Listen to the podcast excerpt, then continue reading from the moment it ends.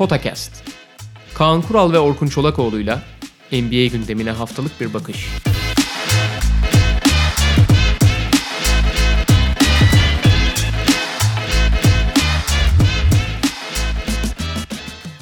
Merhaba, Potakest'e hoş geldiniz. Kaan Kural'la birlikte bugün seçtiğimiz ana konu. Şimdi artık son dönemde biraz zaten ligin belli yarısı tarafından gidiyor olacağız ama bugün de şampiyonluk için ciddi anlamda aday olan, gerçek anlamda şampiyonluk adayı diyebileceğimiz takımları öne çıkararak e, onların artılarını ve eksilerini konuşalım dedik. Ve tabii geçen hafta başladığımız seriyi de sürdüreceğiz. Playoff yarışından kopmuş olan takımlardan ikisini Doğu ve Batı'dan konuşacağız. Dediğimiz gibi ana konumuz kim ciddi anlamda şampiyonluk adayı, hangi takımlar ve bunların artıları eksileri nelerdir? Kaan abi tartışma götürmeyeceklerle başlayalım. Ondan sonra biraz daha gri bölgelere gireriz. Şimdi ligin en iyi derecesiyle giriş yapmak gerekiyor. Milwaukee Ben Bucks. istersen şey yapalım mı ya? Sen doğuda şampiyonluk adaylarını söyle tek tek konuşuruz. Ya ben çünkü bazı takımları şampiyonluk adaylığından dışarı çıkarmış durumdayım çünkü artık. Tamam. Şimdi şöyle neyse bir başlayayım ben. Dışarıda bıraktığımı açıklarım. Milwaukee Bucks, Boston Celtics, Philadelphia 76ers. Şimdi burada bariz bir dışarıda bıraktığım takım var. iki numara. Toronto Raptors. Çok başarılı bir dönem geçirseler de dönem de değil sezon. Ciddi anlamda şampiyonluk adayı olarak sayılamayacaklarını düşünüyorum. Hiçbir sakatlık olmadıkları müddetçe. Ben de onları rakipleri problem yaşadığı anda bir aday olarak görüyorum açıkçası. Yani onların bir şansı var çok düşük olsa da. Hı hı. Ben de Philadelphia'yı aday olarak görmüyorum abi. Philadelphia'da şöyle, Philadelphia'ya tabii ki bir parantez açmak gerekiyor. O Philadelphia için her şey yolunda giderse yani onu bir şer olarak düşmek gerekiyor. Tamam, Ama o zaman bu çoğu başlayalım. zaman da olmuyor işte. Neyse bu Miami üç ve- takımı Miami yani üçer takım Tamam. çıkardık. T- Zaten Toronto o zaman belli ki Toronto ve Philadelphia'da karşılıklı biraz e, Evet. tartışacağız. Ama ikimiz de Miami'yi ve Indiana'yı dışarıda bırakmış Kesinlikle, gözüküyoruz. Kesinlikle. Indiana ile ilgili de yani Oladipo döndüğünden beri yaşadıkları büyük sıkıntı ve Oladipo'nun sanki bu sezon e, Oladipo gibi katkı veremeyeceğinin artık çok net gözüküyor olması ikimizin de herhalde dışarıda bırakmasına sebep oldu. Yoksa Indiana daha iyi gözüküyordu aslında ki arada Jeremy Lamb'i de kaybettiler. Ve işin kötü yanı daha iyiye gitmiyorlar abi. Bir, e, Oladipo'dan bağımsız da tökezlemeye başladılar. Artı Jeremy Lamb'i sezon boyunca kaybettiler. Evet. Milwaukee ile başlayalım. Başlayalım. Yani derece olarak zaten açık ara ligin en iyi takımı. Dereceyle en iyi olmak playoff'ta da en iyi olacağınız anlamına gelmiyor. Bunu geçen sezonda Milwaukee Bucks yaşadı. Fakat burada belki de ilk sormamız gereken açılışı oradan yapabiliriz. Bu Milwaukee takımı geçen sezonki Milwaukee takımından iyi mi? Sezon başında bununla ilgili ciddi şüphelerimiz vardı. İşte Malcolm Brogdon'un gidişi onlar için gerçekten ciddi bir kayıptı. Hala aslında Brogdon'u bir noktada belki arayabilirler. Ama bugün gelinen duruma baktığımızda Milwaukee'nin geçen seneden daha iyi olduğunu söylemekle dereceden bağımsız söylüyorum bunu ba- basketbolları bakımından. Bunu söylemek de sanırım mümkün. Ee, ya şöyle bir kere bir yanılgıyı düzeltmek lazım. Nedense herkes Milwaukee geçen sene playoff'ta büyük hayal kırıklığı yaratmış ve patlamış diye düşünüyor. Bu biraz şeyle alakalı. 2-0 öne geçip hatta 3-0'ın kıyısından dönüp 4 maç üst üste kaybettikleri için çok kötü geçmiş gibi duruyor. Halbuki çok kötü geçmedi abi playoff.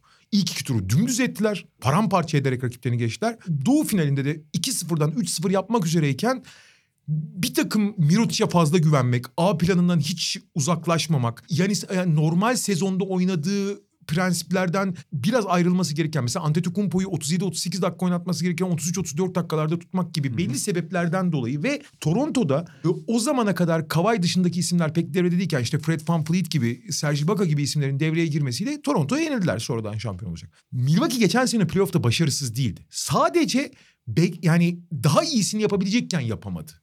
Buna rağmen daha iyisini yapabilecekken bile yapamamışken bile hala ucuna kadar geldiler NBA finalinin ki NBA finaline çıksalar belki de şampiyon olacaklardı. O yüzden bir kere geçen seneki Milwaukee'yi başarısız diye nitelememek lazım. Sadece yapabileceğini yapamadı diye nitelemek lazım. Bu seneki Milwaukee daha iyi mi? Evet Brogdon özellikle geçen sene şimdi en büyük ha- handikap şey gözüküyor. Geçen seneki playoff'ta oyunun daha sıkıştığı, rakiplerin Yanis'e ve e, Milwaukee'nin yaptığı şeyleri önlem aldığı senaryolarda takımın sıkıştığı yerlerde en önemli karar verici ve sorun çözücü Malcolm Brogdon ve George Hill olarak öne çıkmıştı. Bak George Hill'i de atlamayalım bu arada. George Hill de bu arada harika bir sezon geçiriyor tekrar. Evet.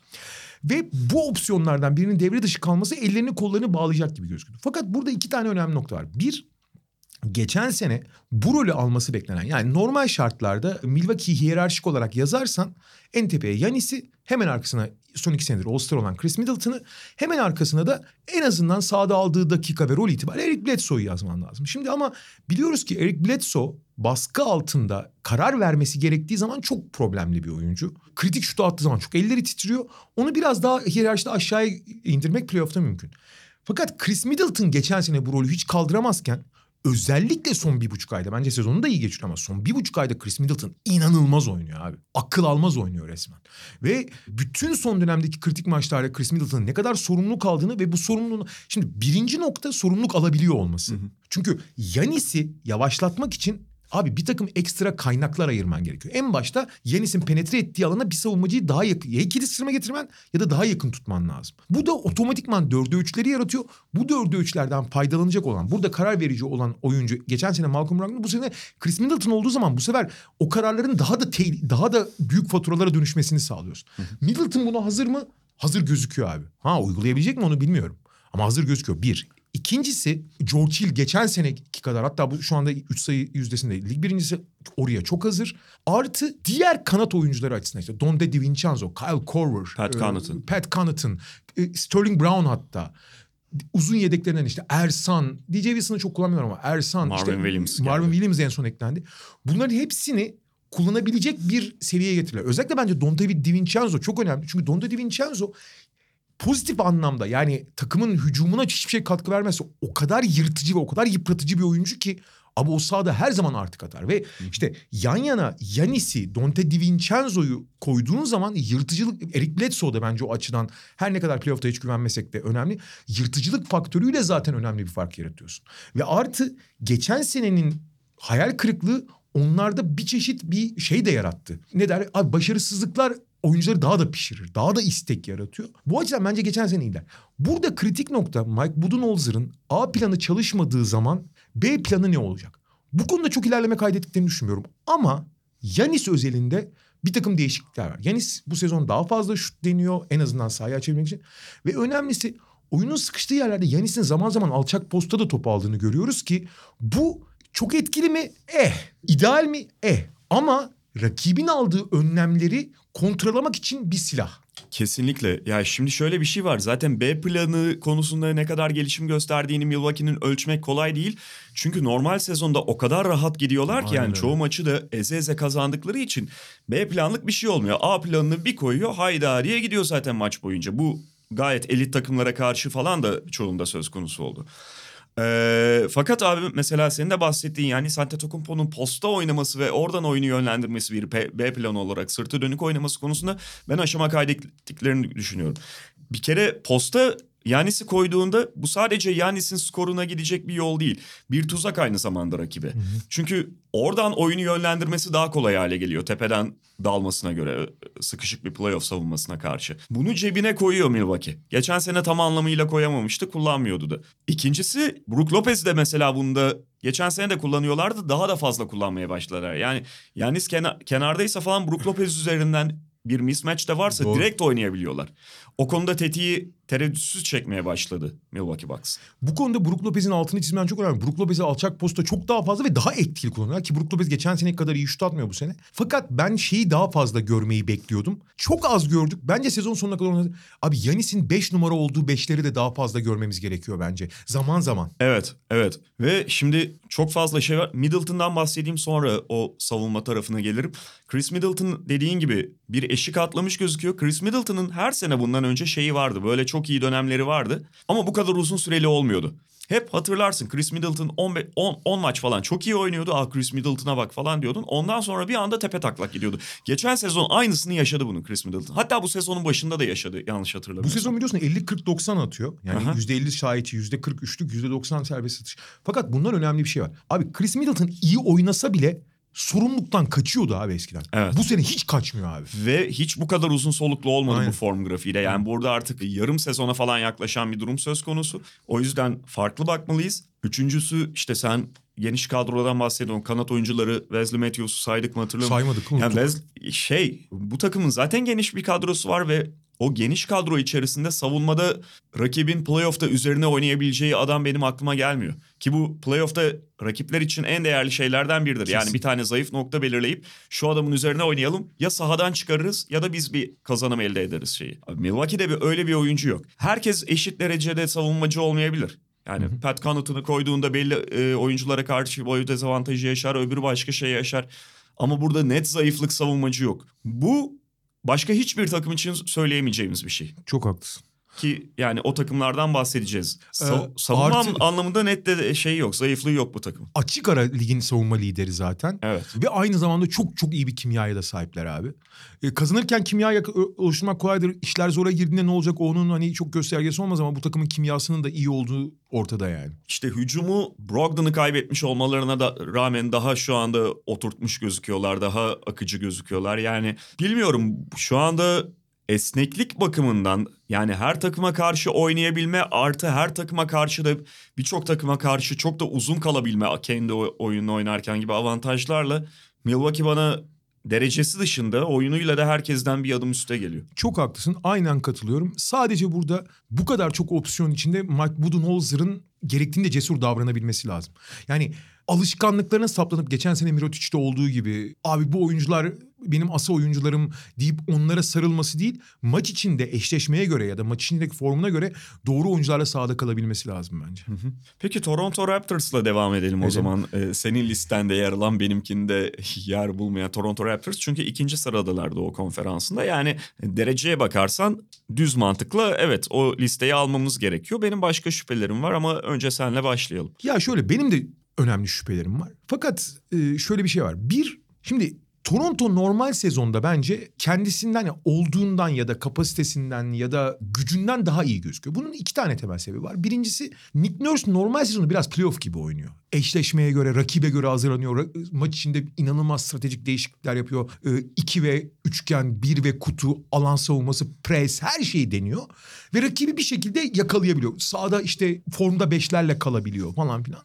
Fakat kadrosu da buna uygun. Yani kadrosu bu kadar plug and play derler ya tak ve çalıştır gibi istediğin oyuncuyu yerleştirebildiğin hepsinin rolünü kabul etmiş. Takımın lideri gibi gözüken Kyle Lowry ve Pascal Siakam'ın da egosuz olmasından kaynaklı top kullanmadığında dert etmediği böyle bir kadroya sahip. Bunu da yapabiliyor. Çok da iyi uyguluyor. Bu da onları aslında normal gücünden daha iyi gösteriyor. En azından normal sonu. Fakat şöyle bir şey de var abi. Bunu bütün sezon yaparsan bu senin yavaş yavaş kimliğin haline dönüşür. Çünkü diğer takımlar niye yapmıyor?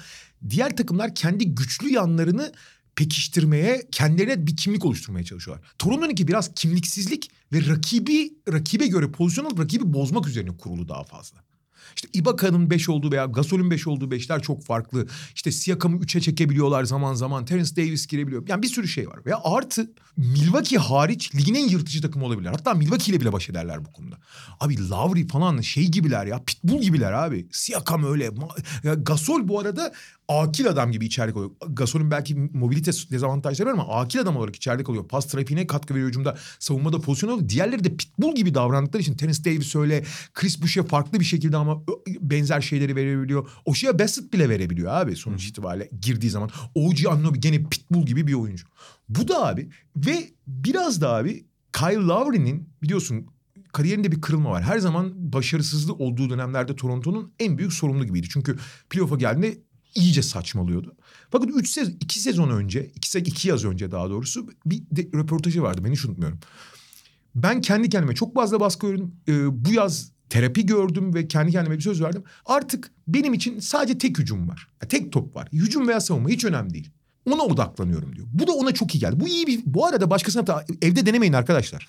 Başkasına tavsiye edilecek bir şey değil. Çünkü sa- saati, zamanı, eşleşmeyi bilmek çok önemlidir. Buna göre oynarsın. Kyle Lowry'e yalnız bu her topu tamamen bütün oyundan bağımsız tek top olarak oynuyor olmak Kyle Lowry'e iyi geldi abi. Savunma veya hücumda. Hata yaptığı zaman bunun etkisinde kalmıyor. Ya da yanlış tercih yaptığı zaman. Ve oynamayı, saldırmayı, yırtmayı, tırmalamayı sürdürüyor. Bu da abi eğer onlardan şu anda daha iyi gözüken Milwaukee veya onlara eşdeğer hatta bazı açılardan daha iyi gözüken Boston'ın bocalaması, bu yırtıcılığa yanıt verememesi, Toronto'nun iyi şut gününe denk gelmesi gibi senaryolarda Toronto'yu rakiplere çelme takabilecek bir sürpriz at veya e, sürpriz paket haline dönüştürüyor bence. kesinlikle favori puanı olarak görüyorum. Hatta plase olarak bile görmüyorum. Ama en ufak bir tökezlerse birileri orada lang diye yani şey gibi 100 metre yarışını 10 metre geriden takip ediyor. Tökezlediğin anda ama geçebilir öne. Ben o yüzden az bir diğerlerinden çok daha az görsem de sürpriz at olarak görüyorum Toronto'yu. Diğerlerinin tökezlemesi senaryolarında. Evet sen hani sürpriz at görüyorum dedin. Ha, diye. son olarak şeyi söyleyeyim de kusura bakma Tabii. çok uzattım ama. Tabii Toronto'nun en büyük sorunu şu abi. Playoff'a geldiğin zaman playoff'ta ne oluyor abi? Rakip sana göre çok iyi çalışıyor. Ne göreceğini iyi biliyor. Ve abi bütün A planlarını, bütün B planlarını, ana sistemlerini bir şekilde felç edebiliyor üst düzey rakipler. Ve orada abi maçı kıracak oyuncu belirleyici oluyor. Abi Toronto'nun en büyük sorunu Toronto'nun maçı kıracak oyuncusu yok. Evet Pascal Siakam yani ne kadar oyuncu olduğu ciddi anlamda Abi şu şu, anda aşamada tartışılır. bence Kyle Lowry belki de en ön plana çıkacak ki Kyle Lowry'nin hani e, bu alanda sorumluluk alması çok isteyeceğim bir şey değil. Fred VanVleet muhtemelen abi kıracak oyuncu. Ki o da hani çok iyi bir senaryo gibi gözükmüyor yani. Yani Fred VanVleet'in yüreğine hiçbir şey diyemeyiz de kısa abi böyle ciddi temel bir problem var. Sen işte sürpriz at olduğundan bahsettin. Yani ben de o, o şekilde dışarı çıkarıyorum ve mesela çok ideal matchup'lar e, playoff eşleşmeleri bulmaları gerekiyor. Mesela şöyle söyleyeyim. Yani bu başka takımlar arasında da belki söylenebilir ama Milwaukee'yi geçme bir playoff serisinde geçme ihtimali bence hiç yok. Ciddi sakatlıklar olmadığı müddetçe. Boston'ı var. O yüzden Boston'ın Milwaukee'yi indirmesi, Toronto'nun önüne öyle çıkması falan gerekiyor ama Milwaukee bir olduğu için o da mümkün olmayacak. Yani Boston'ın inmesi gerekiyor daha fazla. Böyle böyle şeylere kalmış gibi Toronto Raptors'ın. O yüzden ben dışarıya çıkarıyorum. Ya çok iyi takım.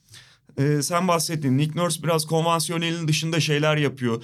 Bunlardan ve sürekli başka birilerini bularak kadro içerisinde oynamaktan ciddi bir avant kendilerine artı kazandırıyorlar. Ama bunlar işte playoff'ta özellikle Boston, Milwaukee seviyesinde takımlara karşı geçersizleşiyor bir anda. Benim Toronto ile ilgili duyduğum şüphe de büyük e, oranda bundan kaynaklanıyor. Bence geçersizleşiyor ama Toronto için kısmen geçerli olabilir abi o. Çünkü çok kimlikleri haline dönüştü. Yani Terence Davis'le tabii ki 30 dakika oynamayacaksın. Ama Terence Davis'i kullanabileceği yani mesela ilk maçta hiç kullanmayıp ikinci maçta 20 dakika oynatabilir ve oynar da. Takım ona hazırlandı çünkü artık oraya geldiler. Yani sezon içinde takımın gelişimini gördüğün zaman bunu görüyorum ben. Ee, ama dediğim gibi ben de hani başkalarının tökezlemesi gerekiyor bunun için. Diyelim o zaman benim katılmadığım takımı söyle bakalım. Philadelphia'nın niye şampiyon Tamam olmadı? Boston Celtics'i bir kenara bırakalım. Tabii sonra ikimiz de ortak aynı şeyi düşünüyoruz çünkü. Valla dediğim gibi öncelikle her şeyin yolunda gitmesi gerekiyor. Nedir mesela? Yani e, en güncel örnek üzerinden gidersek bu sakatlıklarla falan olmayacak. Yani Ben Simmons'ın %100 sağlığına kavuşması gerekiyor. Joel Embiid'in işte bu sabah omuz problemi yaşadı. %100 sağlıklı olması gerekiyor. Ya da Josh Richardson'ın efendime söyleyeyim Tobias Harris'in. Yani 9 kişilik bir rotasyon belirlersek bu takıma ki 3 aşağı 5 yukarı belli kim hangi oyunculardan oluşacağı. Hepsi sağlıklı olacak bu birincisi. Şimdi bu zaten bir tehlikeye girdi onu bir kenara Bu koyayım. arada bu her takım için geçerli. Evet. Philadelphia için daha geçerli. Ee, şeyden bahsediyoruz yani teorik bir durumdan bahsediyoruz. İkincisi playoff'a biraz formda girmeleri gerekiyor. Çünkü sezonu çok kötü geçirdikten sonra bu takımın bir de playoff'a formsuz girme ve orada hallederiz ki deme lüksü kalmadı gibime geliyor. Üç, bir şekilde 2-3 işte tarafında kalmaları lazım. İkinci turda Milwaukee eşleşmesi kötü olabilir onlar için. 2-3'e çıkabileceklerine inanıyor musun? Hayır hayır şey yani... Ha şey, 6'ya düşmeleri gerekiyor diyorsun. Bence öyle. Hmm. İki, oradan çıkmaları gerekiyor. Yani 6 ya da hatta 7. 7'ye Dört- düşemez. İsteseler de düşemezler. 4-5'te kalmayıp işte ikinci turda mesela Boston Celtics'i falan eleme ihtimali çünkü daha fazla. O şekilde hazırlanarak gelmesi gerekiyor. Ha bir de sahada yani sahadaki tabii ki şey o yine iyice farazi bir şeye dönüyor ama bu takımın e, iç sahadaydı belki ama bütün bu maçlar Milwaukee ile de Boston Celtics'le de işte Lakers'la da çok iyi eşleşebildiğini hatta bu takımlara ciddi üstünlük sağlayabildiğini gördük. Bunu sürdüremiyorlar. Bütün bu takımların bunlara kontraları olacaktır ve Philadelphia hepsinden fazla şüphe oluş e, şüpheyle birlikte playoff'a girecek. Onlar ayrı konu ama en azından bunların hepsine karşı bak sadece eşleşme de değil. Üstünlük kurabildiklerini gördük sahada. Ha iç sahaydı normal sezondu. Bazıları çok takvimin yoğun dönemindeydi, yorgunlardı. Philadelphia o maçları daha fazla istiyordu. Bunların hepsi ayrı konu. Ama teknik olarak bunlarla eşleşebiliyor ve belli açılardan avantaj da sağlayabiliyor Sixers. Peki en çok neyine güveniyorsun Sixers'ın? Yani Hiçbir şeyin. Hiçbir, ya hi- Ya ben açıkçası güvenme güvenmek fiilinin burada şey kullanmam peki en güçlü yanının ne olduğunu düşünüyorsun? Yani şampiyon olacaksa bu onların fiziksel olarak Ha. eşleşebilmesi. ve çok fizikli bir takım olması. Yani zaten tüm dünya kısalmaya giderken bunlar uzamaya gitti. Fakat abi Philadelphia ile ilgili şöyle bir sorun var. Bahsettiğin maçlar konusunda çok haklısın. Hiçbir şey demiyorum. Ama maçların hepsinde Philadelphia ekstrem şut attı abi. Unutma. Hı hı. Ekstrem şut attı. Ve takımın alt alta yazdığın zaman abi o şut performansları normal değil anormal görüntüler. Bir. İkincisi hep iç saha diyorsun abi. Dış saha performansları 9-21. Dış sahada NBA 30 takım içinde 24. sırada ve ev sahibi avantajı olmadan oynayacaklar bütün maçları. Ha playoff'ta bunun şeyi değişebilir. Fakat daha da önemli bir şey var abi. Abi birincisi sağlıklı olmaları çok önemli dedik değil mi? Sağlıklı olduklarını varsayıyoruz. Fakat abi Al Horford'un artık sağlıklı senaryoda bile eski seviyesinde olmadığını ben artık kabul etmeye başladım maalesef. Hala şey diyorum ya kendini sakınıyor mudur acaba dizlerini playoff'a kritik maçlara saklıyor mudur? O yüzden mi? Ama abi hiç hareket edemiyor sahada ya. Ve bu onun değerini eksiye indiriyor bir anda. Bırak hani değer sıkılmasını. Sadece ve sadece Embiid'in olmadığı senaryolarda Embiid'in yedeği olarak bir değer kazanıyor ki bunun getirdiği katkı çok düşüktür. Ve abi Philadelphia'nın ard arda 3 maç belli bir seviyenin üzerinde oynadığını veya daha da büyük bir şey söyleyeceğim abi sana. İyi oynadıkları maçlarda senin bahsettiğin maçlar çok haklısın. Çok iyi eşleşebildiklerini gösterdiler. Bu performansla, bu yapıyla, bu fiziksellikle, bu savunmayla herkese alt edebilecek bir senaryo var diyorsun. Fakat abi bu senaryo sadece bir mini dizi çıkarır abi. Mini dizi bile değil. Tek bölümlük şey çıkarır yani. Hiçbir devamlılığı yok abi. Philadelphia'nın bir çeyrekten bir çeyreğe ne yapacağı konusunda bilinçli, şuurlu, herkes tarafından kabul edilmiş, içselleştirilmiş şekilde oynadığını göremiyoruz. Sü- sürekli bir doğaçlama hali var gibi. Hem kadroda, hem sahadaki rotasyonda, hem sahadaki oyunda. Sürekli bir doğaçlama var abi. Sürekli doğaçlamayla bir yere varamazsın abi. Bütün bunlara katılıyorum. Ben sadece hani ortada bir şey gördük. Onu kazdığında oradan bir hani şey su gelebilir, bir şey gelebilir e, ihtimali üzerine konuşuyorum. Yani nasıl sen Toronto için Place'den bahsettin. Sixers da benim için Place ya da sürpriz at, arkadaki at diyelim. Yani en azından bir şey gösterdi. Çok ufak gösterdi bence de yeterli değil ama en azından bir şey gördüm Sixers'ta. O zaman bu konuda ayrıldık seninle. Tabii yani hani Raptors, Sixers orada ayrıldık.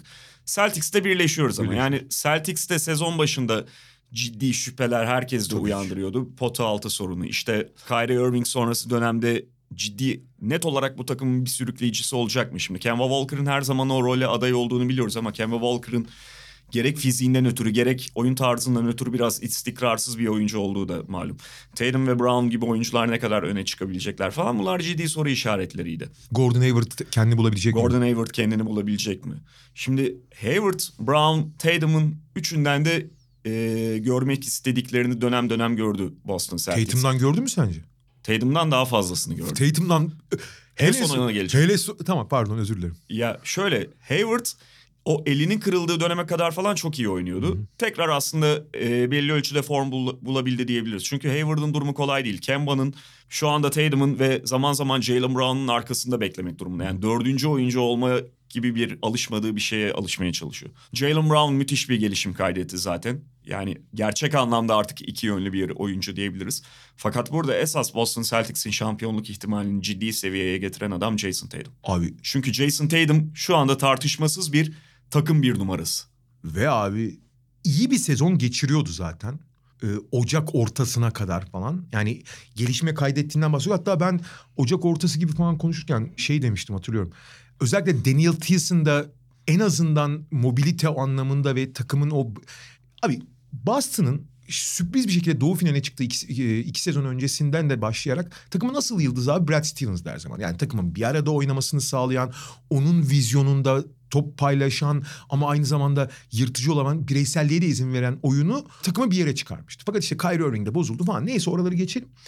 Bu sezon abi takımın belli bir yani Kyrie Irving'in yarattığı psikolojik etkiden çıkıp tekrar Brad Stevens çizgisine gelmesini bekliyorduk. Burada Kemba Walker'ın ne yapacağı çok merak konusuydu. Fakat Kemba Walker da çok iyi geldi bence Boston. Hani Charlotte'daki kadar takımın lideri olmasına gerek kalmadı. Hala liderlik yapabiliyor ama topsuz da oynayabileceğini gösterdi. Yani topla oynama işini gerektiğinde Jalen Brown'a, gerektiğinde Jason Tatum'a ve daha büyük oranda Gordon Hayward'a da bırakabildiğini, topsuz da etkili olabildiğini gösterdi. E Daniel Theis de belki fiziksel olarak olmasa da mobilite anlamında buraya uyum konusunda bekçi olunca Marcus Smart gibi bir jokerin olunca gerek oyun kurucu olarak kullanabiliyorsun gerek dört numara savunurken kullanabiliyorsun yani. Bu bir sinerji yarattı. Fakat abi bu sinerji falan eyvallah bunları olabilirdi. Fakat abi bireysel olarak birilerinin seviye atlaması lazım takımın da seviye atlaması için.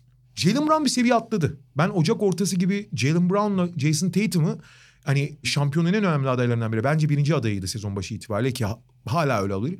Kawhi Leonard ve Paul George'un klonlarına dönüştüğünü düşünüyordum. Yani Jalen Brown Kawhi'nin klonuna dönüşmüş durumdaydı. Daha ufak bedeni diyelim. Büyük beden ufağı. Jason Tatum da Paul George'un klonuna dönüşmüş gibi gözüküyordu. Fakat abi Ocak ortasından bu Şubat sonuna doğru geliyoruz. Yaklaşık ay 40 günlük sürede yani bir iki maç olsa bir şey demem. Tamam her oyuncu bir iki maç acayip bir form yakalayabilir falan. Abi Jason Tatum'unki form yakalamaktan falan başka bir şey. Jason Tatum gözümüzün önünde bu sezonun ortasından itibaren seviye atladı. Yani Ocak ortasında All Star seçildi. All Star'da da sınırındaydı. Hatta yani hani seçilebilir mi seçilmez mi gibi konuşulurken Yani Jalen Brown mesela All-Star seçilse ha nasıl Jalen Brown girdi Tatum giremedi de, denmezdi o kadar. şey denirdi. Abi Jason Tatum biraz daha iyi gibi ama olabilir denirdi. Evet. Abi yalnız o günden sonra yani bu son 40 günde yani All Star seçildikten sonra baba All Star ilk beşi için çok ciddi ya. Yani şu gün aynı oynamayı yapsak Embiid ve Antetokounmpo tamam ama Pascal Siakam mı Jason Tatum mu diye konuşuruz abi. Evet. İlk beşin ve ligin yani şu anda basketbolu en çok değiştiren faktör kanatlar ya topla oynayabilen kanatlar. Onlar arasında ciddi anlamda hiyerarşide ilk beşe falan girmiş durumda. Daha iyileri düşünüyorum. İşte LeBron. Bence bu şu anda Paul George'un önünde mesela. Paul George'un sakatlığının falan da etkisi var. Ama LeBron, Kawhi başka sayabiliyor musun öyle kanat? Yani Yanis'i sayar mısın? Yanis çok öyle değil. Daha çok pota altı oyuncusu gibi. Abi çok ciddi bir şekilde acayip bir seviye atlamış durumda Jason Tatum ya. Kesin. Ee, ve bu bir anda Boston'ı komple bir arada oynayan, e, bundan acayip bir enerji üreten, sinerji üreten, rakiple e, bu- bunu maç sonuna kadar götürebilecek psikolojide, e, devamlılıkta bench biraz zayıf olsa da işte Vanamaker'ı falan da hafif devreye sokarak işte Romeo Langford son dönemde oynuyor. Küçük de olsa katkı alıyor ama zaten playoff'ta 8 ki 7 kişilik rotasyon yeterli ki Marcus Smart olduğu sürece 6 tane isim zaten belli gibi. Bunlara sahipler. Fakat bu onları iyi bir takım yapıyordu ama elit şampiyonluk adayı konusunda biraz soru işareti. Abi Jason Tatum'un bu maç kıran oyuncuya dönüşmesi, fark yaratan oyuncuya dönüşmesi bir anda Boston'ın şeyinde çok çok değiştirdi abi e, hedefini, tavanını, her şeyini. Ya söylediğin gibi çok kısa süre yani görece kısa süre içerisinde gerçekleşti bütün bunlar. Aşırı şey yukarıya gidiş 40 gün falan dediğin gibi. Ama o kadar bariz ki. Çok çok abi çok bariz. Yani ciddi anlamda hemen her maçta tepede üzerine double team getirilen adama dönüştü Jason Tatum. Çünkü soğutamıyorsun adamı ve ciddi e, başka problemler yaratıyor senin savunmanı. Abicim bu dönemde oynadığı bazı maçlar. Lakers Clippers. Abi Kabaya üstünlük sağladı ya. Ha tamam tek maçtan bir şey çıkarmıyor. LeBron'a da sağladı abi. Ee, LeBron'la direkt eşleşmediği için hani çok şey yapmayacağım hani çoğu açıdan. Ee, ama Kavay'la eşleşti çünkü. Kavay'la eşleşmesine rağmen. Ya tek maçtan çok bir şey çıkarmamak lazım. Böyle. Ama abi Kavay, LeBron arka arkayı yapıp ve bundan hiç düşmeden devam ediyor olması. Çünkü sezon başında hatırlıyorsun. Çok iyi maçlar çıkarıp sonra 17'de 2 attığı bir iki maç falan oluyor. Evet. evet. Abi son 40 gündür her maç çıkıyor ve abi gerçekten Oklahoma City'deki Paul George gibi ya da Indiana'daki son senesindeki Paul George gibi oynuyor abi. E, Tatum lige girdiğinden beri hemen her özelliği böyle flash şeklinde ortaya çıkıyordu. İşte şutu zaten biliniyordu. Orta mesafe e, şutörü olarak girdi onu dışarıya çekti. İyi bir 3 sayı şutörü işte potaya gidebiliyor atlet falan. Ama bunları e, bazı şeyleri sadece flash olarak çöküyordu. İşte mesela düzenli olarak potaya gidip bitiremiyor ya da faul alamıyor. Serbest atış çizgisine gidemiyor. Son dönemde bunu istikrarlı hale getirdiğini görüyoruz. Yani mesela o yön değiştirme şeyini çok etkileyici yapıyor. Çok acayip abi. Belki en önemli silah şu anda. Yani şut tabii ki çok önemli. Elit bir şutör olunca başka kanallar açılıyor sana ama topla mesela sağına gidiyor. Savunma sağına ağırlık verdiğinde çok ani yön değiştirebiliyor. Eskiden ball handling'i biraz problemliydi. Bu sezon Jalen Brown da o da çok geliştirdi. Şimdi ball handling'ini etkili kullanmaya başladığı için potaya uzanabiliyor abi. En önemli özelliği potaya uzanmaydı. Potaya uzanmayı yön değiştirmekle birleştirince bambaşka bir silaha dönüştü. Ve tabii ki Tatum seviyesinde değil ama şeyden de bahsedelim. Daniel Tyson takım içerisinde bu rolü bulması ve bunu çok iyi oynuyor olması ve pota altındaki sorunlarının hepsini bir anda rafa kaldırmış olmasa da Celtics'in ciddi anlamda onlara cevap veriyor. Kesinlikle. Ya o da bir gelişim gösterdi ve Celtics evet şu anda ciddi bir şampiyonluk adayı bence. Bence. Yani bir numaralı olmayabilir işte onu zaten Milwaukee olarak belirledik ama e, Galiba ikimiz için de iki numara ama. Doğu konferansında iki. Ha Doğu evet Doğu işi. Doğu konferansında iki. Batı'ya geçelim. Geçelim. Lakers'la başlıyoruz Batı konferansında. Lakers'ta Batı'da rahat diyebileceğimiz bir şekilde bir gidiyor. Burada yani normal sezon işte göz, zaten LeBron ve Anthony Davis gibi iki oyuncuya sahip. Otomatikman belli şeyleri beraberinde getiriyor. Lakers'la ilgili en büyük soru işareti belki ki normal sezondaki birçok maçta işte e, örnekler oluştu. Milwaukee, Philadelphia, Boston Celtics gibi takımlarla bu takım eşleştiğinde, bu takımlarla oynadığında dış şut zaafının özellikle LeBron Davis dışındaki oyuncuların hatta bu oyuncuların da dahil olması gerekiyor. Dış şut zaafının onları çok etkilediğini gördük. Çünkü bu takımlar akıllı kapanabilen takımlar. Sana içeride kolay kolay istediklerini vermiyor. O fizik avantajını. Ha tabii Clippers'ı da saymayı unuttum. Bu takımlar senin içeride o fiziksel üstünlüğünü kolay kolay sahaya yansıtmana izin vermiyor. Sen dış şutlarla bunu ne kadar açabileceksin? Çok zorlandı Lakers bu maçların hepsinde ve işte iki Clippers maçı, bir tane Milwaukee maçı, bir tane Philadelphia maçı, iki tane Boston maçı. Bunlardaki total derecesi de çok kötü. Galiba tek bir galibiyet alabildiler. Sadece Celtics'i yendi. O da son Ve de maç. çok zor yani. O da son maç. Yani şey evet son anlarda. Katılıyorum ve özellikle kanat savunması konu probleminde yani şu anda basketbolun en önemli rolü hep diyoruz hani oyun sıkıştığı zaman kanatlar ve kanat savunması konusunda da çok problemler. Yani Danny Green falan iyi niyetli savunmacı ama çok büyük değil. LeBron'u o rolde ne kadar kullanacaklar ki abi bir Clippers'la eşleşmesinde kullanmaları gerekecek. Kawhi'yle eşleşmesi gerekecek LeBron'un. Tabii canım. Bu eşleştiğinde o onun hücum yani hücum abi LeBron da hücumun her şeyi ya. Cleveland'da olduğundan bile önemli buradaki hücumdaki rolü onun. Çünkü onun dışında hiçbir şey üretilemiyor hücum anlamında. Ee, savunmada kabayı tutarken hücuma ne kadar enerjisi kalacak? Bunlar çok önemli soru işaretleri barındırıyor. Ee, Lakers'ın bir tane kana, e, fizikli kanat almaması bence büyük problem olabilir. Artı hala Rondo'dan medet umuyor olmak... Ya Rondo'yu kullanabilirsin ama Rondo sadece ve sadece niş özel bir silah olmalı. İkincil oyun kurucu gibi 20 dakikalar 18 dakikalar falan bence söz konusu olmamalı. Ha belli bir maçta belli eşleşmeye göre 10-12 dakika eğer kapasite iyiyse oynatırsın. Bazen hiç oynamaması gerekiyor. Neden hala ona yatırım yapıyorlar ben onu çözemedim. Ki alternatifi de çıkmışken kadro Ve- içerisinde. ve daha sezon- iyisi daha doğrusu. Sezon içinde performansı yüksek yani bir meme olduğu için bence başta çok ne derler maskot gibi görülüyordu ama Evet. abi sezon içinde oynadıkça daha da iyi gitti Caruso abi. Yani playoff şimdi playoff'ta 3 tane önemli nokta var abi. Bunları yaparsa Lakers'ın zaten iddialı ve şampiyon adayı olduğu kesin. Kendi içindeki sorunları çözebilmek için şu üç şeyin yapılması lazım abi. Birincisi daha doğrusu iki şey diyeyim. Ee, biri birleşik. Birincisi abi Frank Vogel playoff ve sadece kazanmak için oynamaya odaklı bir şekilde Rondo'nun rolünü, Kuzma'nın rolünü, onların dakikalarını belirleyebilecek mi? Anthony Davis'i 5 numara daha fazla kullanacağı zaman kullanabilecek mi? Bu kararları herkesi mutlu etmek için mi, kazanmak için mi uygulayacak? Bir bu. Bu önemli. Bunu yapabilecek mi göreceğiz. Ben yapabileceğine inanıyorum. LeBron da bu konuda bence ona destek verecek. İkinci nokta ise aslında iki parça bu ama ikisi birleşik. Abi şu bir kesin ki LeBron yıllardır abi özellikle Cleveland, Miami'de bu kadar değildi. Cleveland'da çok daha fazla. Abi LeBron playoff'ta başka bir canlıya dönüşüyor. Başka bir yaratığa dönüşüyor yani. Ee, Miami dönemi o kadardı ama Cleveland'da bunu çok gördük. Bu yaratığa dönüşebilecek mi? Yani 40, 42 dakika 40 42 dakika aralığında oynayıp gerektiğinde mesela Clippers eşliğinde Kawhi savunup hücumda da aynı sorumluluğu alıp fiziğini kullanarak içeri girip içeride bitirebilecek mi? Çünkü bence bu sene o LeBron'la ilgili LeBron'un bu sene yaptıklarını anlatmaya gerek yok. Şu anda MVP sıralamasında ikinci bence yani. Hani Harden'la birlikte diyebilirsin. Neyse ne. Yanis'in hemen arkasında. Hücumun yani zaten asikalı hücumun bir numaralı yaratıcısı. Yarı sahada sorun çözüyor. Fakat abi normal sezonla mı alakalı da bilmiyorum. İçeri girdiğinde eskisi kadar net bitiremiyor pozisyonları. Biraz düştü o şeyi. Bu playoff'taki zihniyeti ve odaklanmasıyla değişir mi göreceğiz. Keza bununla paralel abi Anthony Davis'in de vites yükseltmesi lazım. Anthony Davis'in oyunun iki tarafında da 40-42 dakikalar boyunca en keskin olduğu halinde olması lazım. Anthony Davis'in biraz mizacı, biraz oyun stili gereği, zerafeti gereği sanki yeterince çaba harcamıyormuş ya da kendini yırtmıyormuş gibi bir hali var. Bu biraz yanıltıcı olabiliyor. Ama abi kendini daha fazla yırtacak yani yüzde 97 ile falan değil yüzde 100 ile oynayacak bir psikolojiye girebilecek mi ve bunu 48 dakika 4 tur boyunca sürdürebilecek mi? Bence bunlar sorular. Bu soruların özellikle LeBron tarafında benim çok şüphem yok. Çünkü bu LeBron biliyoruz. Davis konusunda da bence şüphem az. Çünkü onun içinde kendini ispat serisi bu. Vogel konusunda da bence onu ve bu üçüne de eğer olumlu cevaplar alırsa o zaman Lakers'ın şampiyonluk yolu açık. Ee, senin bıraktığın yerden şöyle alayım. Şimdi Davis'le LeBron'u birleştirerek ben Vogel'ın bir şeyi biraz kasten cebinde tuttuğunu biraz da Dwight Howard ve JaVale McGee'nin iyi performanslarından ötürü kenarda tuttuğunu düşünüyorum. Daha önce de bahsettiğimiz bir konu işte Davis'in 5'e kayması ve LeBron Davis ikili oyunlarının daha fazla oynanması. Sahada bir ekstra 5 numara varken yani Davis 4 numara oynuyorken bu ikili oyunu oynamak çok kolay değil.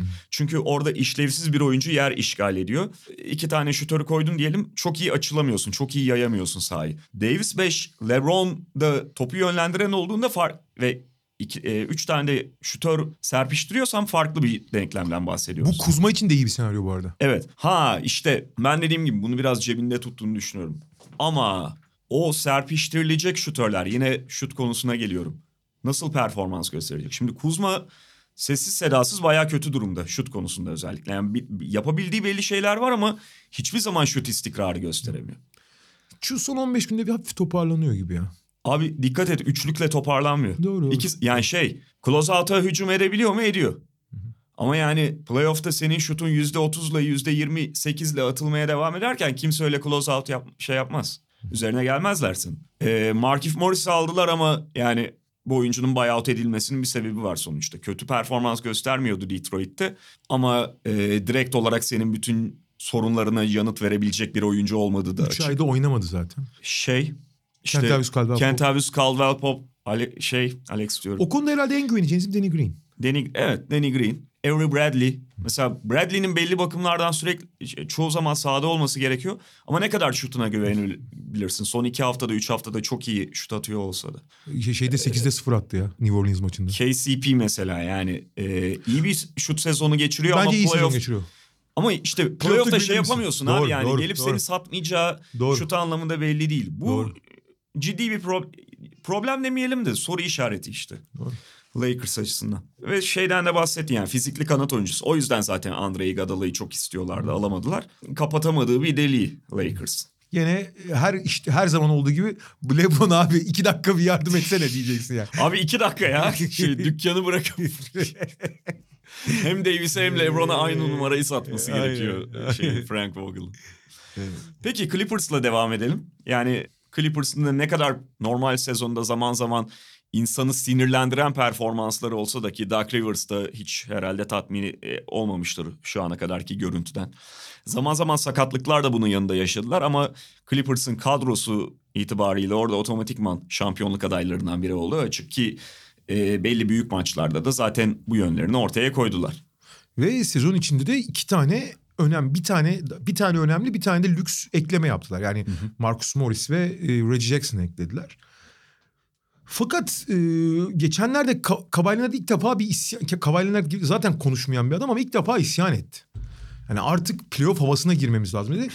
Hani herhalde bütün Clippers izleyenlerin de ortak görüşü. Abi artık bir şey oynayın yani. ha çünkü gerçekten hiçbir şey oynamayarak geldiler buraya. Ha kilit maçlarda Lakers maçına falan çok konsantre olduklarında iyi maçları var. Yanlış anlaşılmasın.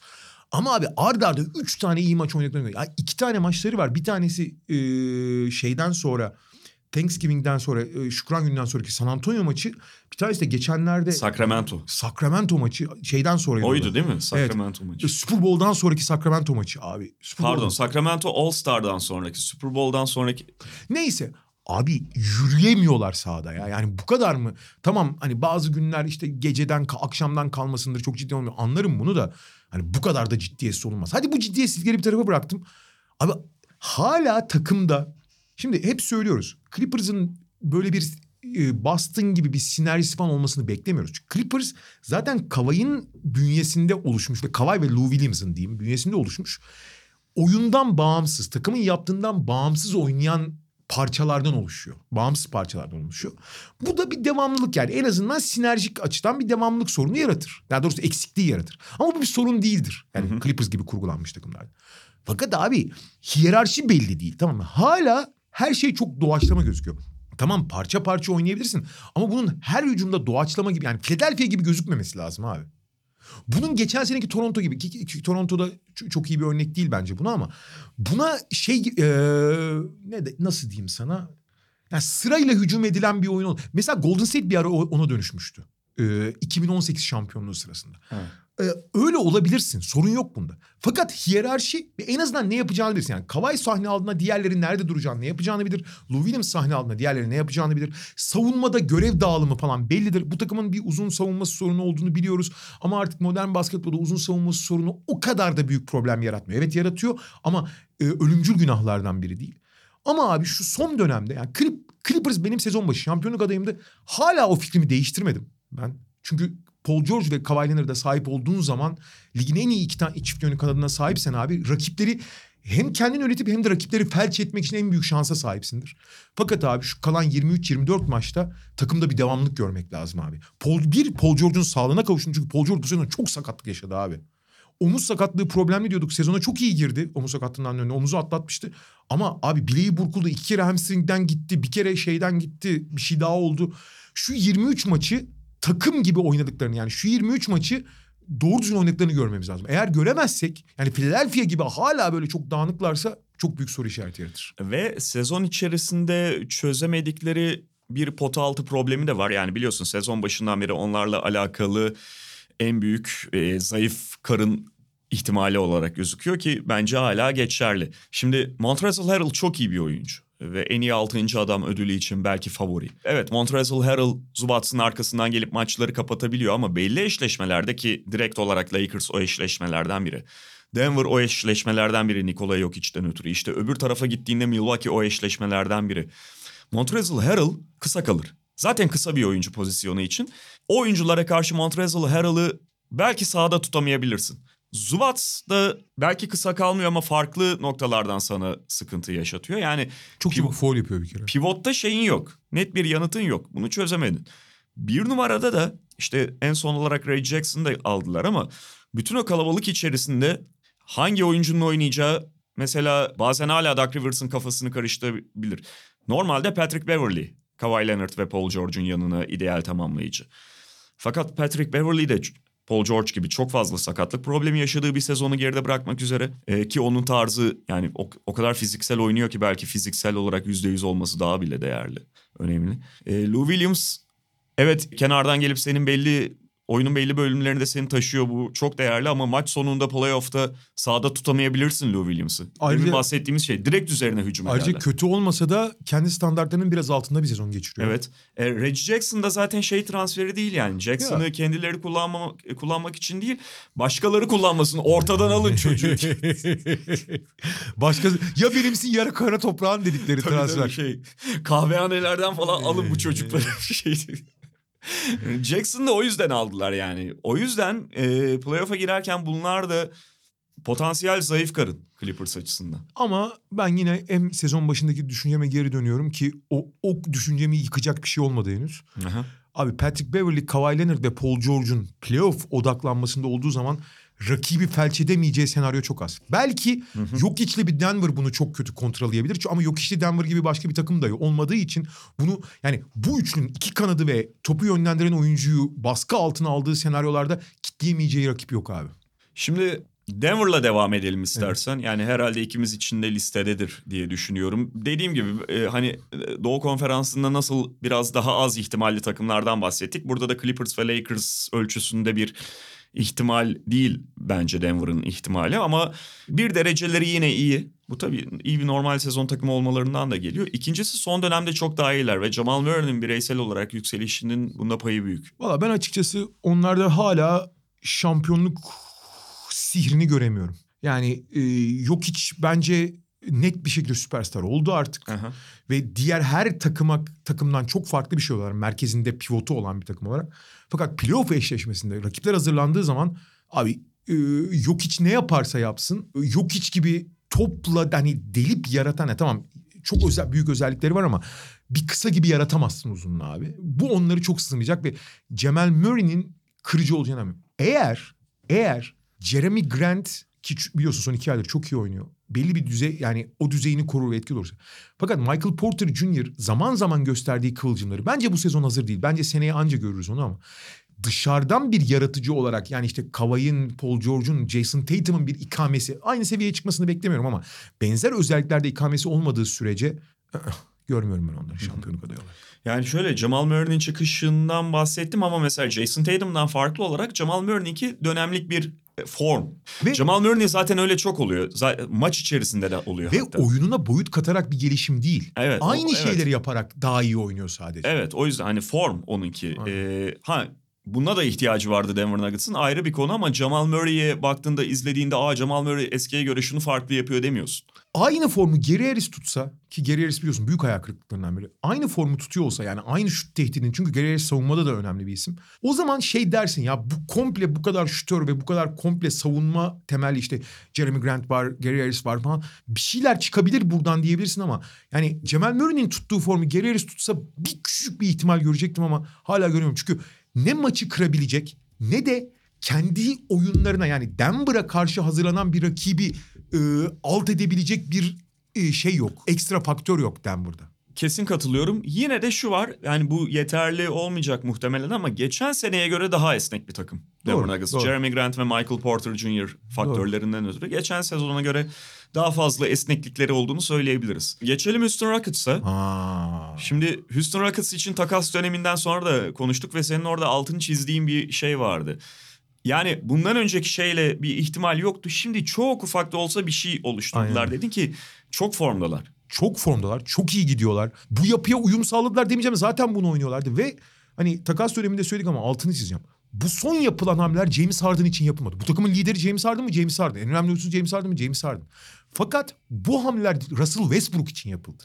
Ve Russell Westbrook şu ana kadar pek çok takımında başarısızlığın falan aktörü olurken hep iste yani ideal olmayan senaryolarda oynuyordu. Şu anda ideal senaryoda oynuyor.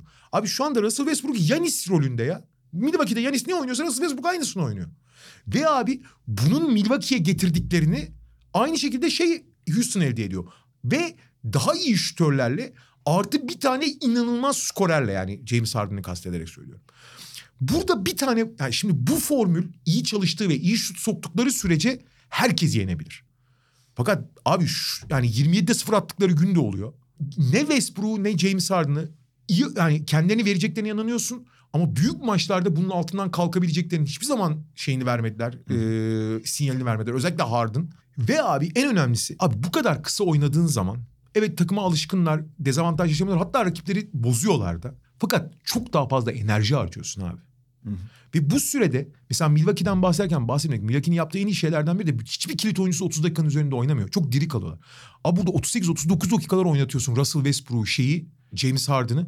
Onların playoff'a ne kadar diri gireceği, playoff'ta bu kadar kısa oynarken, bu kadar mücadele ederken ne kadar enerji harcayacağı ve maçın sonunda ne kadar enerjisi kalacağı bence en kritik nokta. Eğer şu ana kadar bence çok şey kaybettiler. Yani diri girmeyecekleri, yıpranmış girecekleri kesin. Zaten kısa oyun zaman yıpranıyorsun. Bu da onların en büyük handikapı olacak. Ama o diriliği bir şekilde sağlar. Ve acayip şut atarlarsa sürklase edebilirler. Yani her şey yolunda giderse bir şampiyonluk şansı var ama çok çok çok her şeyin yolunda gitmesi lazım. Kesin. Ya hep böyle tekrarlanan artık klişeleşen bir laf vardır ya işte playoff'ta oyun yavaşlar. Ya belli bakımlardan da evet doğru oyun yavaşlar. Bu daha çok mesela eskiden birkaç sene önce Golden State Warriors'ın şampiyonluk ihtimalini küçümsemek için kullanılıyordu. Golden State o ezberleri biraz yıktı geçti. Ama şimdi bu takım gerçekten çok e, oyunun yavaşlaması falan konu değil ama bu takım gerçekten kısa bir takım. Yani tırnak içinde bir kısa beşi falan yok. Hakikaten kısa bu takım. İşte lakabı biliyor musun? Çok güzel abi. Mike D'Antoni'nin şeyi vardı ya e, second sec- e, seven seconds or less. Şey, şey, işte 7 e, saniye ve daha az. Şimdi bu takıma da Six, 6 7 seven or or- less diyorlar. Yani 6 7 2-0-1, 2 metre. Evet 2-0-1 2-0 2'ye geliyor. Onda 2-0-2 ve daha kısa diyorlar takıma.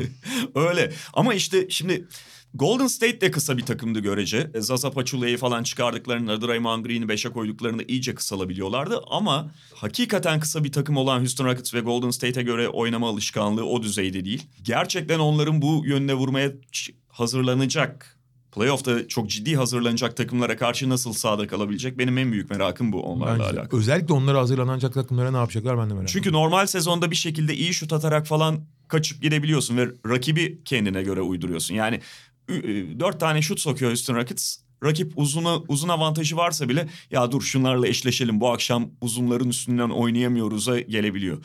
Playoff'ta öyle olmayacak Houston'a karşı. Sence Ee, başka şampiyonluk adayı var mı? Utah, Oklahoma City, Dallas. Şimdi ya Oklahoma City, Dallas'ı bence çıkaralım da Bence de. bir ara orada gözüken ama hızla oradan kendini çıkaran Utah'tan belki bahsederek kapatabiliriz. Çünkü yani öyle bir dağıldılar ki tekrar ilk beş değişikliğine gitmeye çalıştılar. Ama dün tuhaf tuhaf şeyler yaşandı. O da yüzlerine gözlerine bulaştı. Önce Mike Conley'i bench'e alıp Royce O'Neal'ı onun yerine koyacakları söylendi. İki saat sonra falan hatta belki o kadar bile değil. Joe Ingles'ın ilk beşten al- alınacağı haberi geldi. Yani acayip bir kafa karışıklığı ve şu anda tekrar kendi oyununa azalan güven söz konusu Utah'ta.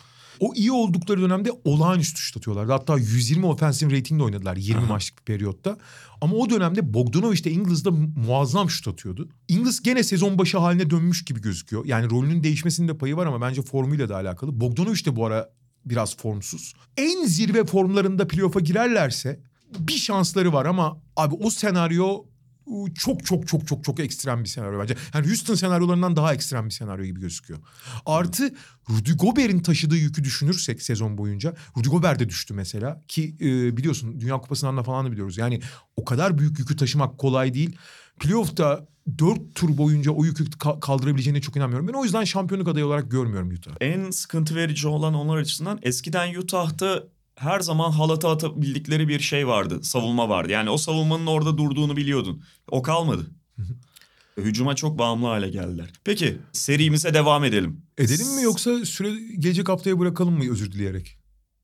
54 dakika olmuş peki gelecek haftaya bırakalım. Gelecek hafta dört tane Dediğimiz gibi zaten büyük ölçüde artık 16 takımın arasında dönüp dolaşıyoruz. Ee, haftaya bir istisna yaparak yani diğer takımlardan 2 değil de 4 tane konuşuruz. tane konuşuruz. Peki bu haftalık bu kadar diyoruz. Tekrar görüşmek üzere. Hoşçakalın. Hoşçakalın.